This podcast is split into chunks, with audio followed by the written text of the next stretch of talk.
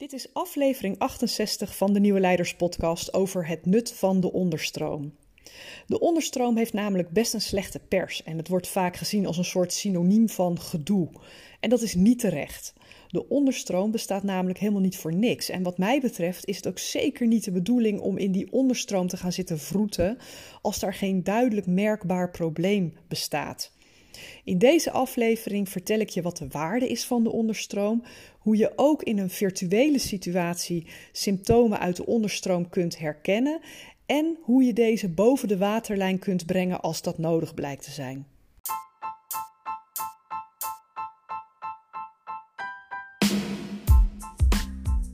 Nieuwe tijden vragen om nieuw leiderschap. Mijn naam is Petra Kuipers en vanaf deze plek neem ik je mee op onderzoek naar hoe we nieuwe vormen van leiderschap kunnen ontwikkelen in organisaties, in teams en niet in de laatste plaats bij onszelf. Samen herschrijven we de definitie van leiderschap. De Nieuwe Leiders Podcast is een podcast vol inspiratie en informatie voor formele en informele leiders. Let's go! Hoe werkt die welbekende onderstroom? Hoe herken je de signalen daaruit? En al helemaal nu we misschien vooral virtueel werken. En wanneer en hoe stuur je daar nou eigenlijk in? De term onderstroom wordt natuurlijk heel veel gebruikt, maar laat ik eens beginnen met toelichten wat ik ermee bedoel, zodat we er allemaal hetzelfde onder verstaan. En uh, de onderstroom toelichten is het makkelijkst als we even beginnen met de bovenstroom. Dat is wat je kunt waarnemen met je zintuigen. Het is expliciet, het is dat wat je hoort, wat je ziet, wat je leest. Heel vaak gaan uh, bovenstroomdiscussies over hele concrete thema's. Het gaat over inhoud, taken, procedures, dat soort dingen. De onderstroom is dat wat je niet ziet, maar wat er wel is. Het is wat men denkt en voelt. En het is dus vooral heel impliciet. Dus als je het hebt over de onderstroom, dan gaat het over dingen als overtuigingen, sympathieën, taboes, waarden, gevoelens. Het is niet zichtbaar of tastbaar of leesbaar, maar het is wel degelijk voelbaar. En je voelt het al aan en waarschijnlijk heb je dat zelf ook al wel eens ervaren, dat de onderstroom in de praktijk een enorm stevige invloed kan hebben op hoe uh, een team of een organisatie functioneert. En als je, zeker als je elkaar uh, even helemaal niet meer ziet, behalve in online sessies, betekent dat niet dat daarmee ook de onderstroom geen enkele invloed meer heeft. Er speelt altijd in elke situatie waarin mensen met elkaar samenwerken meer dan dat er gezegd wordt. En voor we op de praktische aspecten ingaan van het herkennen en sturen in de onderstroom, en zeker in een virtuele situatie, wil ik je meenemen in wat achtergrond. Want de onderstroom heeft namelijk best een slechte pers en dat is wat mij betreft zeker niet terecht. Laat ik beginnen met dat bijna ieder team het lastig vindt om dingen bespreekbaar te maken, om elkaar de waarheid te zeggen of volledige openheid overal over te geven. En dat komt omdat dat de harmonie in een team kan verstoren. De hardnekkige neiging van teams om openlijke confrontaties uit de weg te gaan is niet slecht. Het is een teken dat onze aangeboren instincten nog prima werken. Want een groep heeft er van nature enorm veel voordeel bij om in harmonie te kunnen samenwerken. Wat er ook onderling speelt, als een groep bij gevaar van buiten niet heel snel de geledingen kan sluiten, dan is die groep gewoon al snel de klos. Dus dat collectieve gezelligheidssyndroom, zeg maar, is evolutionair gezien een heel cruciaal overlevingsmechanisme. Het is dus ook helemaal niet gek dat we dit binnen onze groepen op een onbewust niveau als de hoogste prioriteit beschouwen. En het feit dat iedere groep een boven- en onderstroom heeft, maakt het voor ons mensen mogelijk dat we ja, uh, sociaal kunnen schaken, als het ware. Hè? Als mens hebben we het talent om in de bovenstroom harmonie te creëren en tegelijkertijd in de onderstroom te strijden om macht, om coalitietjes te maken, om normen en waarden uit te wisselen en om een plek in de pikorde in te nemen, om de onder, onderlinge hiërarchie duidelijk te maken. Dat betekent uh, op het zichtbare level dat je tegelijkertijd paraat blijft staan voor externe bedreigingen, terwijl de onderlinge verhoudingen in de onderstroom ook worden geregeld. Dat is dus super efficiënt. dat heeft ons als soort ook zeker geholpen in onze ontwikkeling. Want kijk je met een evolutionaire bril naar het groepsleven van de mensensoort, dan zie je dat onderlinge afhankelijkheid altijd een grote rol speelt. Groepen bereiken een, een, een goed natuurlijk evenwicht als iedereen van elkaar afhankelijk is om tot een succes te komen. En uh, in de natuurlijke omgeving komen, de komen die wederzijdse afhankelijkheden die komen als vanzelf tot stand. Hè? Leiders ontstaan bij de gratie van hun volgers. Leiders zijn afhankelijk van de steun van volgers om hun positie te behouden. En dan heb ik het niet eens over bazen. Hè? Dan heb ik het over mensen die een, ja, een soort natuurlijk leiderschap hebben binnen een groep. Dat kan dus ook binnen een hondenroedel zijn, bij wijze van. Volgers geven op hun beurt de leiders het mandaat om te doen wat goed is om de stabiliteit van de groep te beschermen. En als die leider daarin slaagt, als die de belangen van de groep voldoende behartigt, ehm, dan, dan zit hij dus gewoon goed stevig in zijn positie. Maar slaagt hij daar onvoldoende in, dan verliest hij het draagvlak. En na verloop van tijd zal zo'n leiderspositie onhoudbaar worden en neemt iemand anders die wel dat draagvlak heeft zijn plaats in.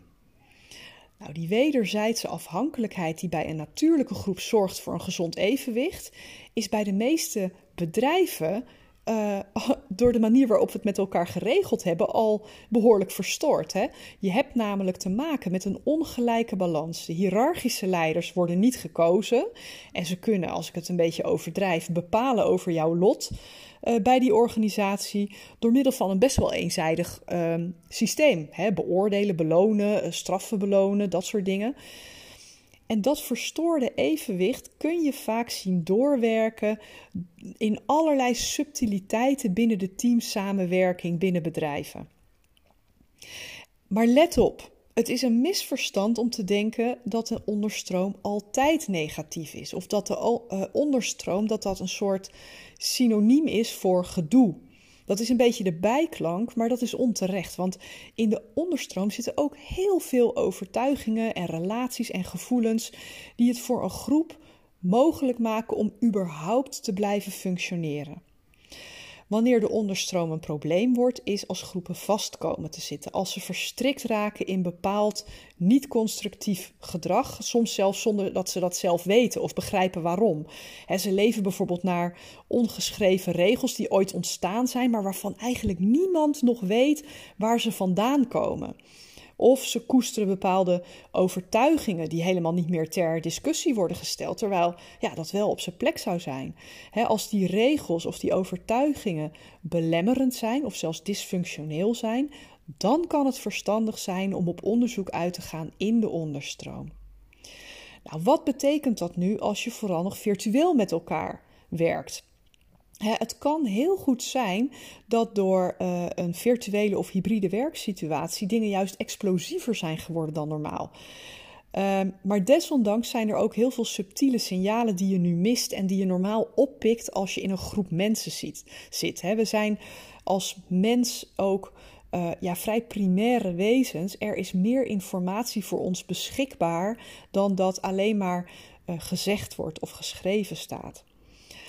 Als het gaat om de onderstroom, zijn er ook in de virtuele situatie signalen waar je alert op kunt zijn. En die zijn vooral samen te vatten als herkennen dat er iets schuurt, dat er iets niet helemaal lekker voelt.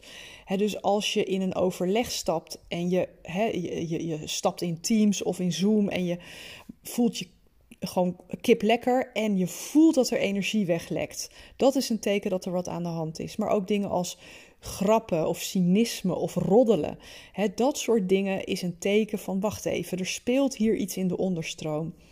Mensen die afhaken, die gewoon niet meer komen opdagen of uh, onzichtbaar worden, zichzelf een beetje, beetje verstoppen tijdens overleggen, uh, is een signaal.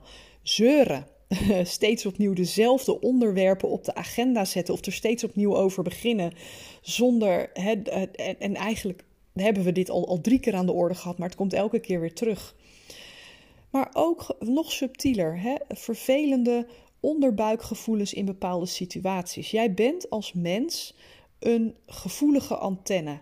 En omdat we zo in ons hoofd leven als we aan het werk zijn, zijn we daar soms een beetje van afgedreven geraakt. Maar ik wil je uitnodigen om dat gevoel serieus te gaan nemen. Hoe komt het dat je je na een overleg heel opgefokt voelt of juist helemaal leeg voelt? Wat gebeurt er nu precies bij jou? Wat waren triggers in dat overleg die bij jou maakten dat jij iets voelde? Want je mag ervan uitgaan, als jij het voelt, dat het in de groep voelbaar is. Het is niet alleen van jou, jij bent een soort antenne van de groep. En onderstroom wordt niet voor niets zo genoemd. Het trekt je vaak letterlijk een andere kant op dan waar je heen wilt gaan. Maar je neemt dat niet voldoende waar als je uh, te druk bent met inhoud of met allerlei praktische zaken. En leiderschap vraagt om een hoge kwaliteit van aanwezigheid, van een presence. En dat kun je leren. Dat is een combinatie van uh, een fysieke houding en uh, dus echt in het hier en nu zijn. Proberen om niet alleen in je hoofd te zitten, maar al je zintuigen open te zetten. En vervolgens ook uh, te reflecteren op wat, wat, wat zie ik nu gebeuren? Wat gebeurt er nu echt? En dat begint altijd met de intentie om eerst onbevooroordeeld nieuwsgierig te zijn. Om als het ware even je ego te parkeren en te kijken als een hele nieuwsgierige, objectieve onderzoeker naar wat je ziet gebeuren. Een paar tips die je daarbij uh, misschien kunnen helpen, is in eerste instantie dat je een ja, een, wat ze ook wel noemen een metastandpunt inneemt. Dat je kijkt alsof je er boven hangt en waarneemt wat zie je nu gebeuren in de interacties. Dat kan bijvoorbeeld, dat kan je heel praktisch regelen als je bijvoorbeeld om beurten het voorzitterschap neemt. Want als jij continu zelf het voorzitterschap hebt, dan blijf je in je hoofd zitten. Maar als je dat even af en toe aan iemand anders kan geven, dan betekent het dat je uh, veel meer kunt waarnemen wat er nu precies in interacties plaatsvindt. De tweede is um, neutrale belangstelling. Probeer uit de emoties te blijven en met een bijna ja, antropologische blik te kijken naar wat er gebeurt. En dat is natuurlijk makkelijker gezegd dan gedaan, hè? dat besef ik, want zelf ben je ook deel van het systeem. Dus het raakt ook aan jouw emoties en je zal zelf ook triggers hebben die maken dat je op een bepaalde manier reageert. Maar um, je kunt oefenen om even met een soort objectieve afstand. En dan bedoel ik niet je er buiten te plaatsen, maar meer om in, in het oog van de orkaan te gaan staan. Dus in plaats van heel hard in die storm mee te gaan draaien, eigenlijk in dat kalme midden te gaan staan en vanuit neutrale belangstelling te kijken: wat gebeurt hier nou eigenlijk? En een derde tip uh, die ik je wil meegeven is: blijf in de, in de vraag.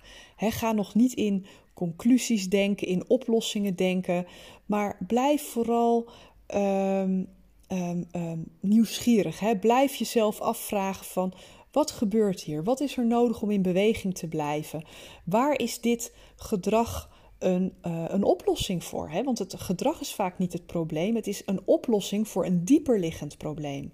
Dus vanuit dat in de vraag blijven dient zich steeds meer informatie aan waar je iets mee kunt om die patronen te gaan herkennen. Van waar zit nu echt de angel van dit probleem? En die onderstroom blijft niet voor niets vaak onder de oppervlakte. als die onderstroom namelijk te veel naar boven komt, dan kunnen er scheuren ontstaan in de groepsbinding. En dat maakt een groep kwetsbaar voor gevaar, van buiten.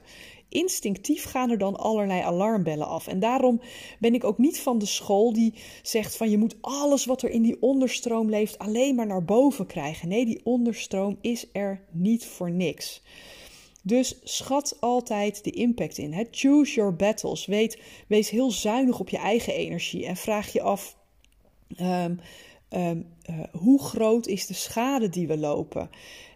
Moeten we er nu iets aan doen? Is het echt nodig om hier iets aan te doen? Of dient het ons op een bepaalde manier? Of stagneert het zodanig dat het echt uh, nodig is om de boel uh, boven de waterlijn te brengen? Dat het de bovenstroom wordt? Waar is het een symptoom van? En het belangrijkste instrument wat je tot je beschikking hebt, is allereerst vragen stellen. Hè? Wat ik net al zei, waar is dit een oplossing voor? Stel dat het gedrag wat je ziet een cadeautje is. Wat is dan, wat is dan het cadeautje? Wat is de waarde die, daarvan, waar, die daarin zit? En um, wil je het aankaarten, zorg dan dat je eerst de omgeving veilig maakt door een zo ontspannen mogelijke context te creëren. En dat kun je onder andere doen door altijd te beginnen met ik wil je iets aankaarten, dan kan je beginnen met ik heb het gevoel dat. ik heb het idee dat. En dan de vraag stellen: klopt dat? Want op het moment dat je het bij jezelf houdt en vervolgens de ander de, uh, de, de mogelijkheid geeft om ook te zeggen van nee, dat zie je fout, hou je het maximaal veilig. Je, brengt het niet als een verwijt, je brengt het als de opening van een dialoog. Um, een andere uh, manier is dat je uh, allereerst zelf ook kwetsbaar durft te zijn. Dat je aangeeft, ik merk dat ik het lastig vind om in deze groep puntje, puntje, puntje, herken je dit? dus je laat eerst iets van jezelf zien als een uitnodiging om een bepaald gesprek te openen. Um, als iemand anders daar iets op durft te zeggen, dan kan je altijd luisteren en samenvatten. Dus zeg je, begrijp ik je goed als je, uh, dat jij dit en dat voelt? Hè? Um, zeg jij nu dat dit en dat? En dat doe je natuurlijk niet op een verwijtende toon van zeg je nu dit of dat. Nee, het is vanuit een open houding samenvatten in jouw woorden om te checken of de ander inderdaad dat zegt. En dan doorvragen. hoe, hoe bedoel je dat precies? Wat zorgde er dan voor dat je je zo voelde? Waardoor is dat zo gelopen? Waarom weet jij dat? Waarom voel jij dat? Nou, dat zijn een aantal handvatten die ik je mee wil geven om ook in die ja, virtuele situatie uh, um, aandacht te kunnen besteden aan de onderstroom. En ik hoop dat je daarmee uh, een aantal uh, takeaways hebt. Namelijk één, de onderstroom is niet per definitie slecht.